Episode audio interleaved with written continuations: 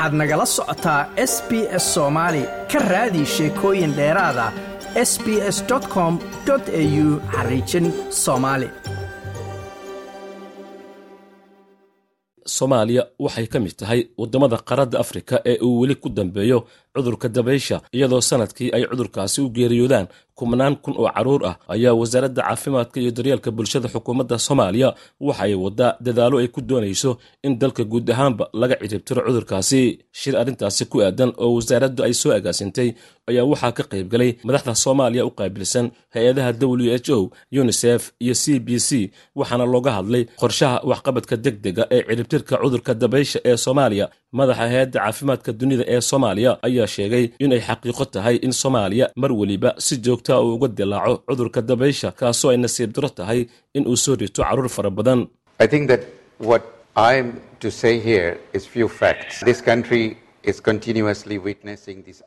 wasiirka wasaaradda caafimaadka iyo daryeelka bulshada xukuumadda soomaaliya xildhibaan cali xaaji aadan ayaa dhankiisa warbaahinta u sheegay in ay socdaan dadaaladii ugu dambeeyey ee ay soomaaliya ku ciribtirayso cudurka booliyada isagoona xusay in shirkan uu yahay midkii labaad ee arrintaasi ay ka yeeshaan.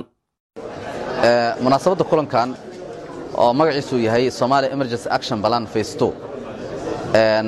howleedka degdega ah ee soomaaliya wejigiisii labaad ee lagu ciribtirayo cudurka bolio saamilayda ka soo qayb gashay oo ay ugu horrayso wasaaradda caafimaadka iyo saaxiibada ka caawiyo arrintaasi waa kulankii labaad oo noociisa ah ay isugu yimaadaan.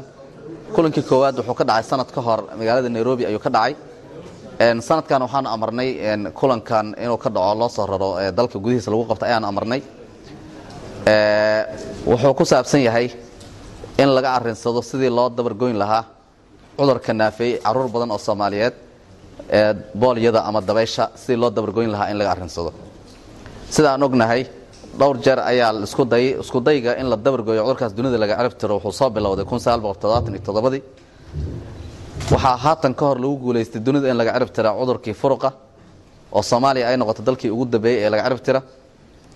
Sidoo kale bolio waa cudurka ku xiga ee la doonayay dunida inuu ka cirib go'o laakiin meelo yar ayuu weli ku harsan yahay aan annaga ka mid nahay dhowr jeer baan ku guulaysanay inaan ka zuulinno soomaaliya laakiin waa nugu soo laabtay dhowr jeer buu nugu soo lalaabtay waxaan hadda ku jirnaa dadaalkii ugu dambeeyey dhammaanteen annaga iyo shacabka soomaaliyeed iyo saaxiibadeenna caalamiga ah iskaashanayno. Waxaan ugu jirnaa dadaalkii ugu dambeeyey in gebi ahaanba cudurka dabeysha dalka soomaaliya laga cirib tiro wasiirka ayaa sidoo kale waxa uu carabka ku dhuftay in sannadkii la soo dhaafay ilaa iyo nus milyan carruur ah aysan helin talaalka booliyada iminkase ay doonayaan in talaalka uu gaaro ilaa iyo boqoliyosiddeetan kun oo carruurihii waxaa keliya nugu harsan oo noocyo badnaa. Hal nooc oo loo yaqaano vaccine drivet bolio virus type two ayaa nugu harsan. Asna waxaan rajaynaynaa december sanadkan ka hor in la soo afjari doono ayaan rajaynaynaa. Waxaan ka codsanaynaa shacabka soomaaliyeed oo dhan in ay tallaalaan carruurtooda meel kastoy joogaan garabna nagu siiyaan cudurkaas inaan ka adkaano.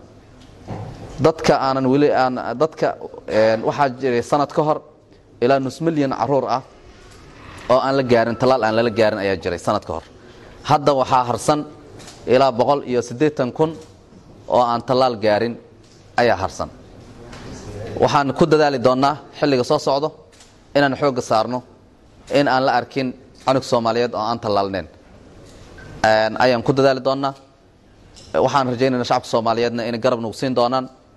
Aad bay u mahadsan yihiin saaxiibada garab nagu siinaya arrintan oo ay ugu horeeyaan ururka caafimaadka adduunka w h o iyo hay'adda unisef iyo maaragta hay'adaha kale oo badan oo ay ka mid yihiin bill melinda gate foundation iyo ay dhammaan saaxiibada nagala qayb qaato la dagaalanka cudurkaasi iyo dabargoyntiisa aad bay u mahadsan yihiin. Dhanka kale xilli dhowaan dab xoogan oo ka kacay suuqa weyn ee bakaaraha uu saamayn dhinaca dhaqaalaha uu ku yeeshay ganacsato badan oo halkaasi ku waayay hantidoodii ayaa guddiga ganacsatada suuqa bakaaraha hay'adda hormuud salaam foundation iyo qaybo ka mid a culimaadudiinka magaalada muqdisho waxay soo bandhigeen lacago ay soo ururiyeen taasi oo loo qaybiyey ilaa iyo saddex boqol oo ruux oo ka mid a ganacsatadii halkaasi ku weysay hantidoodii.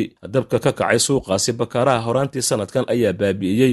Qeybaha bagaashka ee suuqa iyadoo ganacsato badan ay halkaasi ku gubatay hantidoodii. Waxaana guddiga ganacsatada suuqa ay sheegeen in tan iyo xilligaasi ay ku howlanaayeen ururinta lacag gaaraysa in ka badan saddex boqol iyo konton kun oo dollar oo ay ka soo ururiyeen qaybaha kala duwan ee bulshada islamarkaana loo qaybiyey ganacsatadaasi xubno ka tirsan guddiga gurmadka iyo ganacsatada suuqa bakaaraha ayaa halkaasi ka hadlay. Waxaan aad ugu faraxsanahay inaan garab istaagno inta karaamkeenna ah. Ma aha meesha ugu munaasabaneed laakiin haddana in wax uun la istaro. Waxayna faraysaa diinta ayaana fartay waana inoo muhiim. Wixii la helay oo ilaahay subxaana wa tacaala muslim ka soo qaaday in dadkii la gaarsiiyo loo qeybiyo arrin fudud ma ayna noqonin arrin fudud ma ayna noqonin.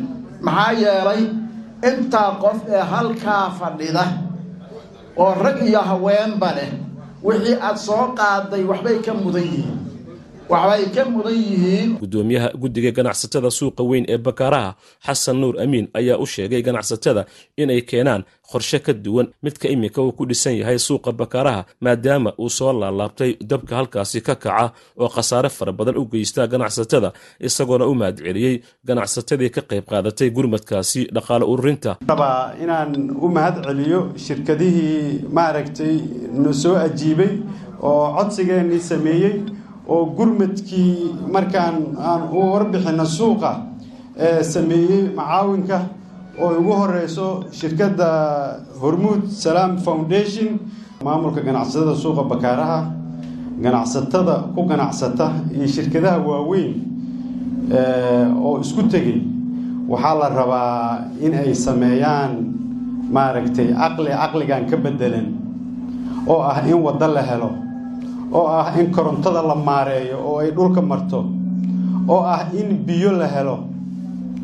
Biyaha damdamisku markuu tuuro waxaa laga doonaa meel fog. Intaas dabku waa sii holcaa waa inay waddo kasta ay biyo maraan oo laga shaqeeyo. Waddada in la furo waddada waxay imaaneen in boosas hadda lagu ganacsada ay ay ay la burburiyo ama ay jabaan micnaheedu ma ahan.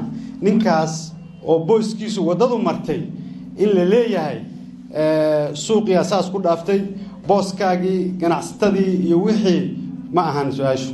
Gudoomiyaha hay'addaasi hormuud salaam foundation abdulaahi nuur cismaan oo ugu dambayntii goobta ka hadlay ayaa sheegay in hay'addu ay u taagan tahay in mar weliba ay ka qayb qaadato caawinta bulshada soomaaliyeed xilli dalka ay ka jirto xaalad adag midda kale ee dadkii uu dhibka gaaray oo ku hanti beelay waxaan leeyahay ilaahay badel khayr qab hadin siiyo waa idiin ducaynaynaa intaan oo la soo aruuriyey guddiga juhdiga dalka ay geliyeen allah idiin barakeeyo.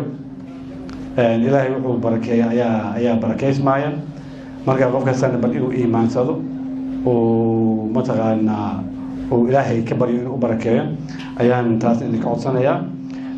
Mar labaad annaga hormuud salam foundation. Dabcan duruufaha dalka ka jira ayaan ka shaqaynaa dhibaataduna way soo noqnoqotay. Ilaahay hanaga dulqaado bish ramadaanka waxay ku soo aadeeyey mid ka mid a marxaladii ugu adkaa. Dalka waxaa ka jirto abaari aad abaar adag. Waxaa ka jiro barakac waxaa ka jiro baahi. Like aas la wadaag wax ka dheh lana soco barta facebooka ee sb s soomaali